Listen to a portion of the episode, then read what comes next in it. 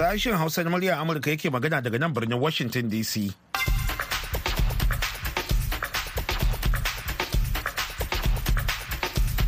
Masu sauraro Assalamu alaikum da fatan an tashi lafiya. Baba Yakubu makirri ne tare da Ibrahim Kalmasi Garba da sauran abokan aiki. Muke farin cikin kasancewa da ku a wannan shiri na safe yau Litinin 20 ga watan Fabrairun shekarar 2023. Kafin ku ji abubuwa da muke tafe da su ga Ibrahim da kadin labarai. To baba Amurka za ta tura kayan agaji na dala miliyan 100 ma ƙasashen Turkiyya da Siriya don taimaka ma ƙasashen biyu da girgizar kasa ta addaba. manzan amurka a isra'ila ya ce ya kamata firaminista benjamin netanyahu ya bi a hankali wajen yin garan bawul ga ɓangaren shari'a saboda kauce ma matsala sannan hukumar saka ido kan makamashin nukiliya ta duniya jiya lahadi ta ce tana kan tattaunawa da iran bayan da aka bankaɗo cewa ta inganta ma'adanin uranium da kashi 84 cikin 100 kanan labaran kenan. A cikin shirin za ku yi tarihi na siyasa da ma zamantakewa na jihar oyo da ke yammacin najeriya. Jihar ta oyo dai tana tinkaho da cewa a nan ne aka fara kafa gidan talabijin na farko a ƙasashen afirka. Kana a nan ne aka fara yin jami'ar farko wato jami'ar ibadan bayan haka shahararren dan jaridar na najeriya da ke gudun hijira a london ya mana fashin baki akan yadda yake kallon zaɓen shugaban kasa a cikin wannan mako. Wannan zaɓen ya bambanta da dukkanin zaɓuɓɓuka da aka shayi a waɗancan shekarun. A baya tun da demokuraɗiyya ta ɗore a ƙasar zaka ga wannan zaɓen kaman kwai ƙarancin amfani da kuɗi. Muryar jafar jafar ke da ɗan jaridar najeriya da ke gudun hijira a london.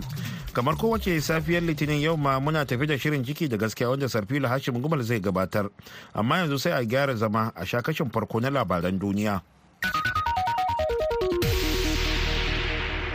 To assalamu alaikum masu saurare da fatan an tashi lafiya ga labaran. Amurka za ta tura kayan agaji na dala miliyan 100 ma ƙasashen Turkiyya da Siriya don taimaka ma ƙasashen biyu waɗanda ke fama da matsaloli sanadiyar mummunar girgizar ƙasar nan da ta hallaka mutane 46 baya ga wasu miliyoyi da suka rasa muhallansu.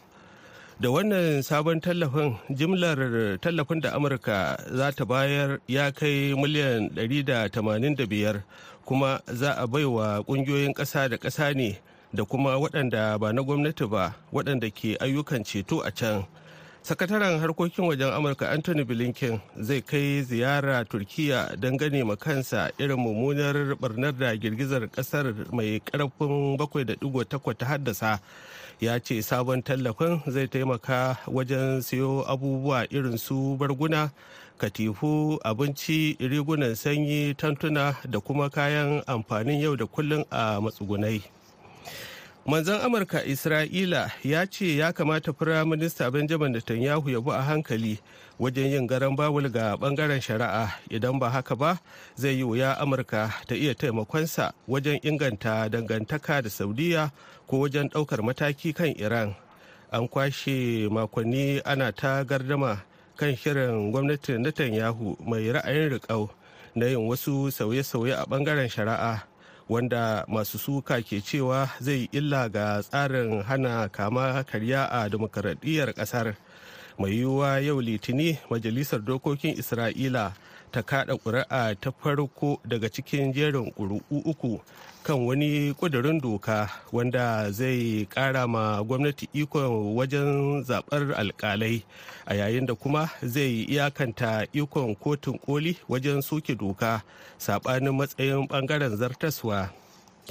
Hukumar saka ido kan makamashin nukiliya ta majalisar ɗinkin duniya jiya lahadi ta ce tana kan tattaunawa da iran kan sakamakon binciken da aka yi kwanan nan a ƙasar jim kaɗan bayan da mujallar bloomberg ta bankaɗo cewa an gano cewa an inganta ma'adanin uranium da kashi 84 cikin 100 wanda hakan ya yi kusa da matakin zama makamin yaƙi.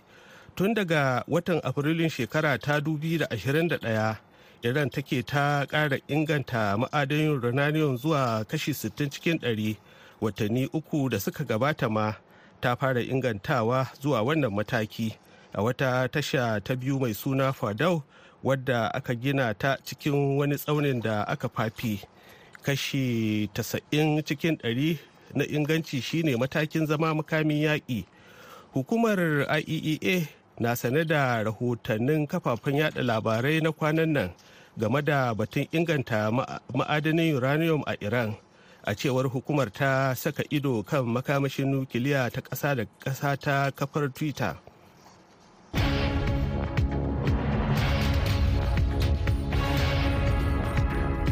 To an jima kadan Ibrahim zai sake shigowa da ci gaban labaran duniya. Amma yanzu bari mu je ga rahotonmu na musamman na yau akan siyasar Najeriya daga matakin jihohi a daidai lokacin da babban zaɓen ƙasar ke karatowa. A yau za mu mai da hankali ne akan jihar Oyo da ke kudu maso yammacin Najeriya wanda babban birnin ta Ibadan ke zama birni na uku mafi yawan al'umma a Najeriya. Ga dai wakilinmu Hassan Umar Tambuwal da ƙarin bayani a wannan rahoto.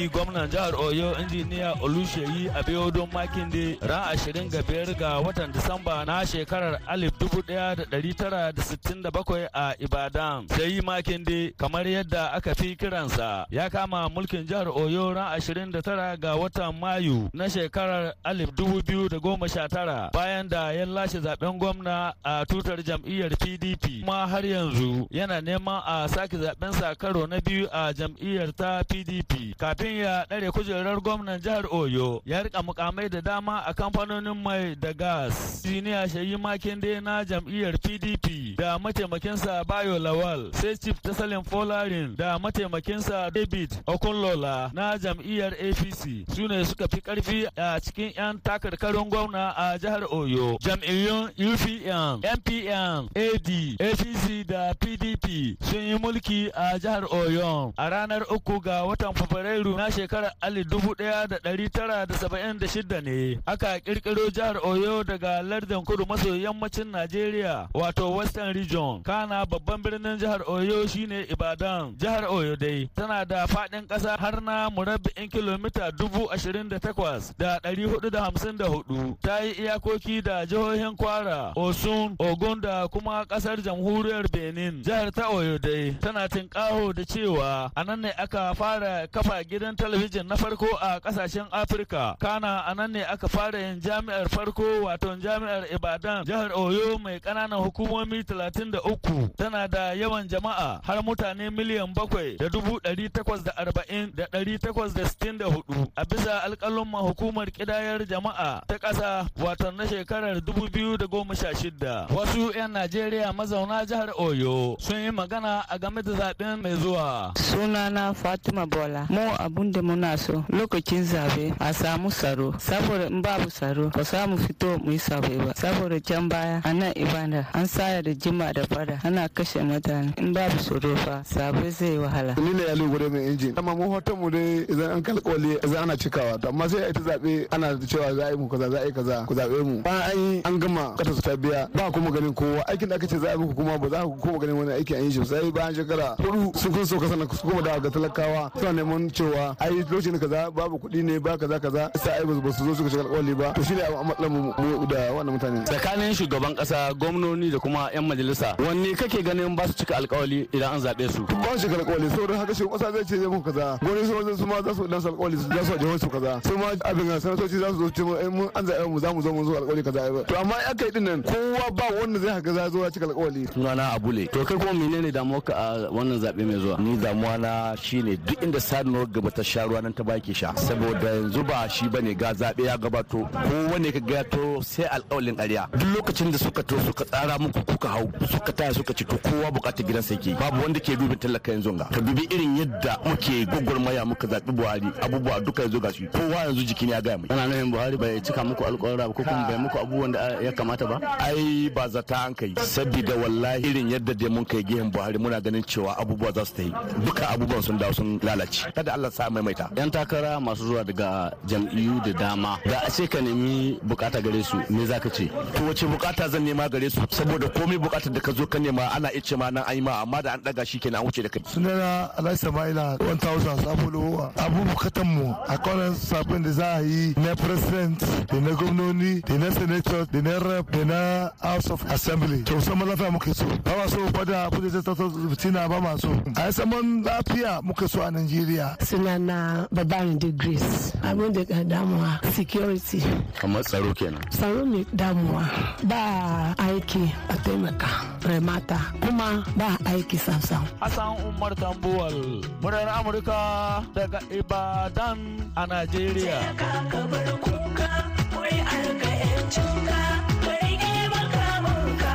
To madalla gaida Hassan Umar Tambuwal da wannan rahoto. Ana tare ne da sashen Hausa da murya Amurka a birnin Washington DC kai tsaye. Sannan kuma ana iya sauraron shirye-shiryenmu da suka gabata a shafukanmu na yanar sadarwa da Facebook da Twitter da ma Instagram. Yanzu ko ga Ibrahim da ci gaban labaran duniya.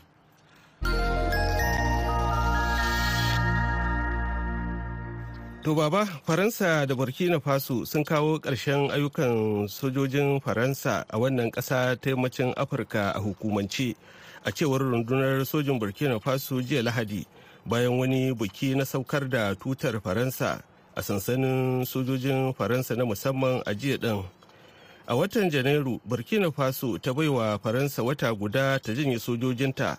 saboda ta kawo ƙarshen yarjejeniyar sojin da ta sa sojojin na faransa ke yakar 'yan tawaye a ƙasar ta tana mai nuni da shawarar da ƙasar ta yanke ta kare kanta da kanta ficewar faransa zai buɗe wani sabon babi a yaƙin da burkina faso ke yi da ƙungiyoyi masu da'awar kishin islama waɗanda ke da alaƙa da alka'ida da isis wanda tuni suka ƙwace wagigin yankin ƙasa suka kuma raba miliyoyin mutane da muhallansu a dokacin yankin sahel kudu da sahara. A ƙarshe ƙasar koriya ta arewa ta ƙaddamar da akalla makamai masu linzami biyu masu gajeren zango a cikin tekun gabashinta da safiyar yau ɗin nan litini 'yan sa'o'i bayan da amurka ta gudanar da atisayen jiragen sama da japan da koriya ta kudu. Gwajin na yau litini shine na uku cikin manyan gwaje-gwajen da koriya ta arewa ta yi a wannan shekarar. Muna sane da take-taken sojojin amurka kuma muna ɗaukar mataki a cewar ta.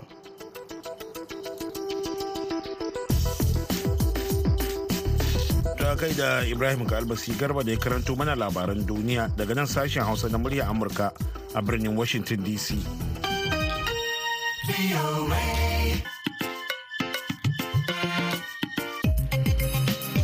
madalla a yau da aka shigo makon babban zaɓen najeriya masu sharhi dai na ci gaba da fashin baki akan zaɓen na ƙarshen mako inda 'yan najeriya za su zaɓo sabbin sabon shugaban ƙasa da 'yan majalisun tarayya wanda za su tafiyar da harkokin ƙasar shekaru huɗu masu zuwa shi ma shahararren ɗan jaridar najeriya wanda a halin yanzu yake gudun hijira a london jafar jafar ya bayyana wa baballe yadda yake kallon wannan zaɓen ga kuma bayanansa.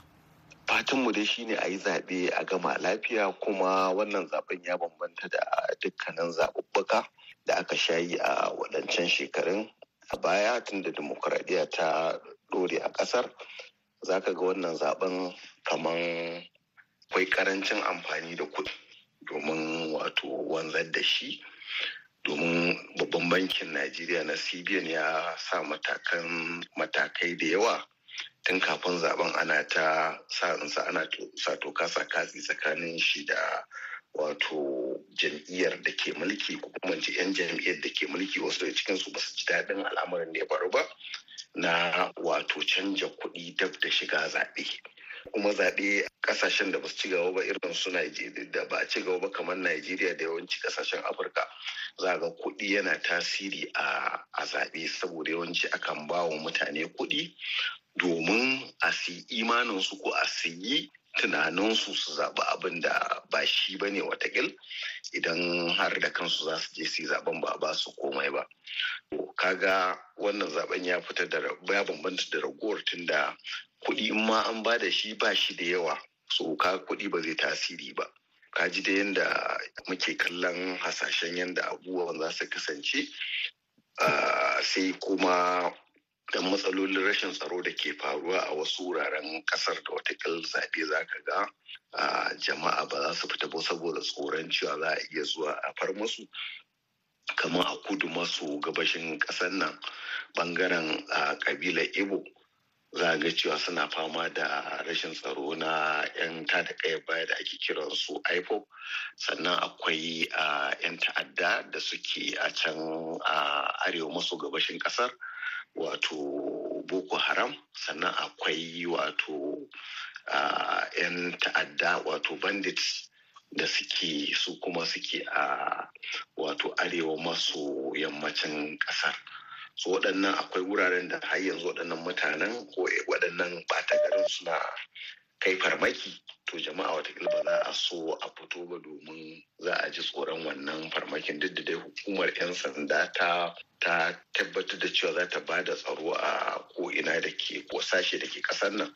domin kusan kowace jiha yanzu babu jihar da ba a tura wato kwamishinan 'yan sanda guda uku ba. Kusan duk santoriya Uh, wato shiya shiya da take ba da ɗan takarar sanata tunda kowace jiha akwai sanata guda uku to zaka ga kowace shiya yanzu an ba ta kwamishinan 'yan sanda guda wanda zai kula da tsaro wanda zai tabbatar cewa an yi zaɓe an gama lafiya. Amma batun kalubalen shine a zaɓuɓɓuka na baya mun ga yadda 'yan sanda yawanci da jami'an wato hukumar inec suke karya tsari domin kwaɗayin abin duniya. Wani zubin za ka ga ta sama ake ba su abin nan wato ake ba su oda a ce musu a ce musu su yi kaza. Inda za ga akwai lokacin za ga an manya amfani da jami'an tsaro an murɗe zaɓe an kori jama'a an kawo 'yan daba an murɗe zaɓe. Fatan mu shine bana wannan abun ba zai yiwu ba tun da kaga an yi ƙoƙarin a rage tasiri tasirin amfani da kuɗi. To muna so wannan zaɓen shi ma wannan ƙalubale ne ga wato babban speto janar na 'yan sanda na ƙasa. to madalla jafar jafar kenan a tattaunawarsa da baballe kada a manta wannan shirin na zuwa muku ne daga nan birnin washington dc yanzu ko ga shirinmu na gaba.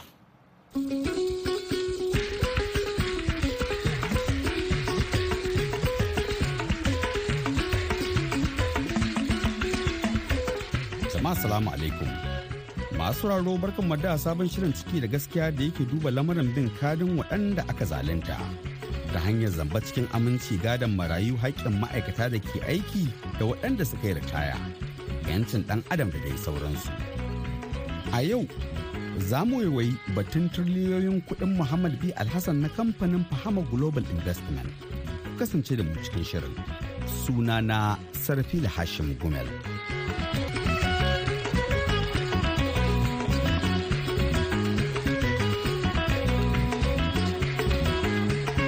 Sabon shirin zai waiwayi batun ɗan kasuwar harkar man fetur ɗin nan Muhammad B. Alhassan daga jihar Nasarawa.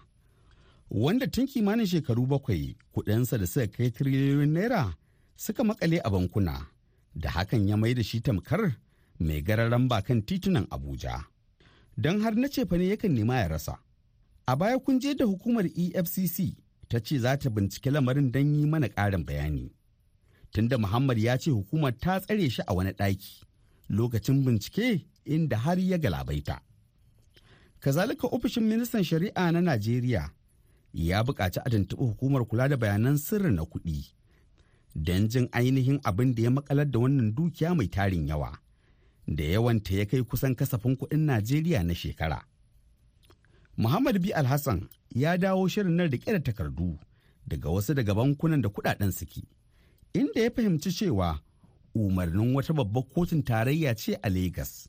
Bisa buƙatar gwamnatin Najeriya ya sa aka riƙe kuɗin. Alhamdulillah sunana Alhaji Muhammad B. Alhassan, ciyaman nan na Fahamu Global Investment Limited. Wanda na kai korafina ga mutanen kasa da na ciki da na gida da na waje su kamu a gaji. Yau nan tun da aka shiga wannan shekara wata na farko Janawari kenan ko? To, na kai korafin kuma voice of america ta ɗauki magana nan ta yada a duniya gabaki ɗaya ga hali da nake ciki amma har yanzu nan ba wani magana da gwamnati na najeriya ko ta kira ni ko ta mu wani magana ba su ce mun komai ba Wato Muhammad daga wannan lokacin wayannan hukumomi da kake magana ka shin sun tuntube ka ko ka sake zuwa ka bincika halin da waɗannan kuɗin suke ciki? Eh na tafi bankuna na guda biyu zuwa uku. Abinda bankunan ta nuna min cewa akwai wani yake kira takardar da aka kawo musu federal government ne ta rubuta musu cewa daga federal high court lagos da shi ne ya kawo musu a sa restriction a sa wannan restriction a cikin asusu na na bankuna na gaba ɗaya to wannan justi tg ringim shi ne wannan justin da ya kawo wannan takarda. An rubuta shi ne daga federal government. To so kuma bankuna ɗaya ɗaya daga cikin bankuna ya ce takardar da aka kawo yanzu nan federal government ne ta kawo musu wannan daga kotu. Saboda haka in kuɗi nan da sake kuɗi na sai dai in je federal government ne za ta sake rubuta musu. Kunan guda nawa ne? Bankuna sun kai goma sha bakwai wani najeriya. Kuma duk waɗannan bankunan kana da ajiyar kuɗinka a ciki? Duk waɗannan bankuna goma sha bakwai manyan bankuna goma sha bakwai na kasa duka ko ajiya na agura a cikin asusu kudade ne ne hakki ne ne wanda aka sa. Amma in haka ne muhammad bai alhassan ne idan tun da akwai abun da kotu ta rubuta tun wancan lokacin kai me sa baka ɗau mataki a kai ba? Eh to ni san lokaci ne ne ba su gaya mun cewa wata kotu ne ta kai wannan takardan ba. Sai da magana ta kai kalubalo ta shiga cikin fage mutane suna kawo korafi su suna ce Allah wadare aka yi shine bankunan ɗaya daga cikin su ya ce eh ga shi fa dalilin da yasa muka kulle ma asusu. Sai kuma suka nuna mun takardan ga takardan da aka ba mu ba da sauran su ba ne amma ina sa a sake waɗannan kuɗaɗe gwamnati ta rubuta musu su za su sake waɗannan kuɗi. Shin a jikin takardar wani laifi aka ce kai? To a cikin jikin takardar dai ba wani kwararren laifi ko ƙwaya ɗayan da suka ce ne a cikin abin ban mamaki za a gana cikin takardar ba su rubuta sunan fahamu global investment limited a cikin wannan takardar ba a cikin takardar ba su rubuta sunan muhammad babuje alhassan ba. A cikin takardar sai dai sunan namban akamtin na nasu suna kawai aka rubuta a ciki. Kuma lambobin da gaske su ne? Eh lambobin da gaske su ne. A cikin wannan takarda wanda aka rubuta gwamnatin najeriya wa ita ne kuma ta shiga da kara. Kuma bankuna na wasu ne kuma wanda su suna sun zama kamar defender kenan ciki. Su ne masu kariya. Masu kariya. To kuma waɗannan bankuna ya za a ce bankuna za su kare? Tun da ba kuɗaɗe ba nasu ba ne kuɗaɗen na wani su iya kamata ne a ce an sabin na da takarda ni kuma su zan kare kaina. A tambaye ni kuɗaɗen nan ya yi ka tara su? Ya kai ka same su? Tun da kuma wannan na riga na ke korafin ma gwamnati na nuna musu ga takardu ga kamfanin da muke harka da su na mai na ƙasashen da na yi na duniya da ƙasashen larabawa da ƙasashen kuma rasha da kuma nan gida wanda duk ayyukan da na yi gashi nan fili wanda mutum zai iya google nashi ya duba. Kuma duka kuɗaɗe nan sun zo kowanne ya zo da clearance hash kuma na riga na yi soft proof. To kuma ba ni da laifi babu komi kamar avia sun riga sun rubuta takarda cewa a sake mun kuɗi na dss da interpol duk waɗannan jami'an tsaro wanda suke bincike sun gama binciken su amma har yanzu nan ana cikin abu guda ɗaya. Ina kawo ina ta kuka ina ta kuka amma ina matsayi na ɗan najeriya. America fa ku tuna inda kuɗaɗe na suna zuwa daga gurin ba su walakanta ne ba. Sun san mutunci citizen ɗan kasa germany bata walakanta ne ba. Canada bata walakanta ne ba. China bata walakanta ne ba. Da sauraren ƙasashen duniya ba su walakanta ne ba. United kingdom bata walakanta ne ba. Neman da na black na dan najeriya amma wai gida kasana wanda iyayena da kakannina duk yan najeriya ne a yau a zo ana mun waɗannan cin fuska saka ce ni ne na kaina. Ƙungiyoyin kare haƙƙin ɗan Adam da mara bayan ƙungiyar ƙwadagon Najeriya NLC sun jagoranci bin bahasin batun tare da alwashin yin duk mai yiwuwa don fito da kuɗaɗen. Tunda mai kuɗin ya amince zai miƙa gwamnati gagarumin haraji na tiriliyoyin naira. Kwamar Nasir Kabir na ƙungiyar ƙwadago da ke jagoranta wasu ƙungiyoyin kare haƙƙin ɗan Adam ya shiga bincike bayan samun bayanan ɗan kasuwar. Da gaske ne kafin ma mu fara wannan bincike a dan shekara bakwai wannan abu ya faru kuma muke ta bi. Abin da ya ba mamaki shine shi ofishin wato ministan shari'a wato attorney general akwai wasikar da dama muka rubuta mar cewa tabbatar da cewa mun samo wato sahihan wato shaidu. Saboda haka bayan mun rubuta sai ya rubuto mana cewa ai wannan rubutu da muka yi shi bai ma san komai ba wato yana ce mana ya rubuta efcc kuma efcc sun ce ba su suka rufe wannan kuɗi ba.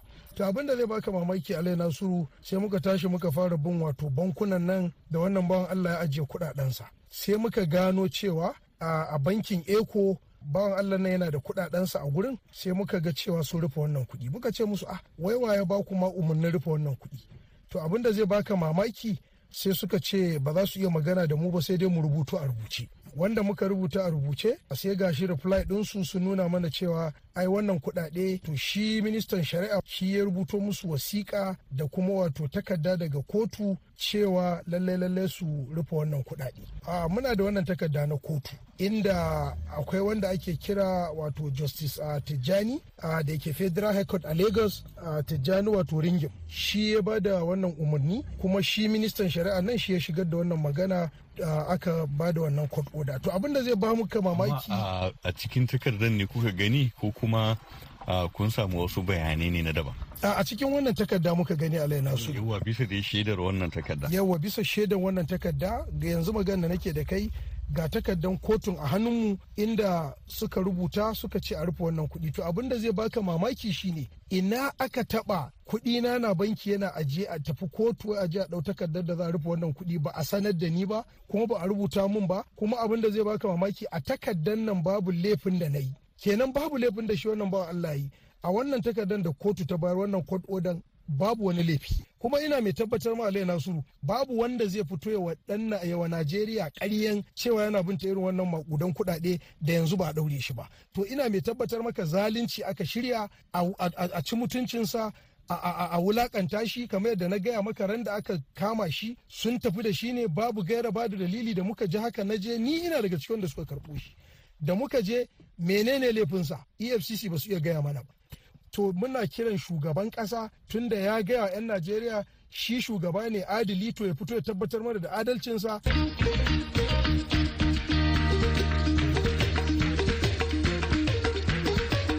Masu sauraro kun da ji halin da ake cikin da wannan batu. Haka kuma kamar yadda wataƙila aka ji a baya gaban kwamitin dan majalisar wakilai muhammadu gudaji zaure muhammad bi alhassan ya alkawarin biyan najeriya wani kaso mai tsoka idan har aka sakar masa kuɗinsa. har yanzu muna gayyata ofishin ministan shari'a da sauran sassan da lamarin ya shafa su shigo shirin nan don ƙarin haske kan wannan batu na kamfanin fahama. Sai a kasance da mu mako mai zuwa domin jin wani sabon shirin. Yanzu a madadin nasiru adamu hikaya daga nan birnin washington dc nisar fili hashin gumul ke cewa mu kasance lafiya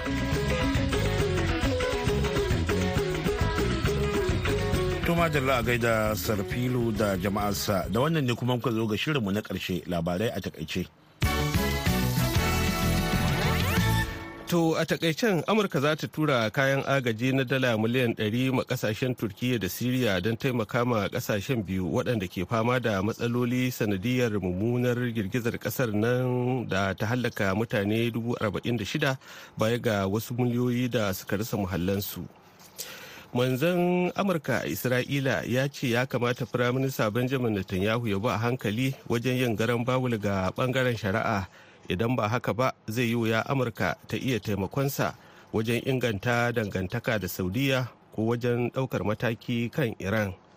An kwashe makonni ana ta gardama kan shirin gwamnatin netanyahu mai ra'ayin riƙau na yin garan bawul ga ɓangaren shari'a da sauran sauye-sauye. Masu sauraro da haka ne kuma muka zo ga wannan ƙarshen wannan shiri. Idan allah kai mu da shirinmu na hantsi wato agogo na ƙarfe 8 kenan a najeriya niger da kamaru da chadi. Wato ƙarfe 7 a agogon gmt da ghana za ku je mu ɗauke da wani sabon shiri. Yanzu a madadin ibrahim ka albasi garba da ya taya na gabatar da shirin da jumbe hamza da shirya kuma ba da umarni da injiniyanmu na wannan safiyar mr karl baba ya ko makeri ne daga nan birnin washington dc nake muku fatan alkhairi. Wassalam.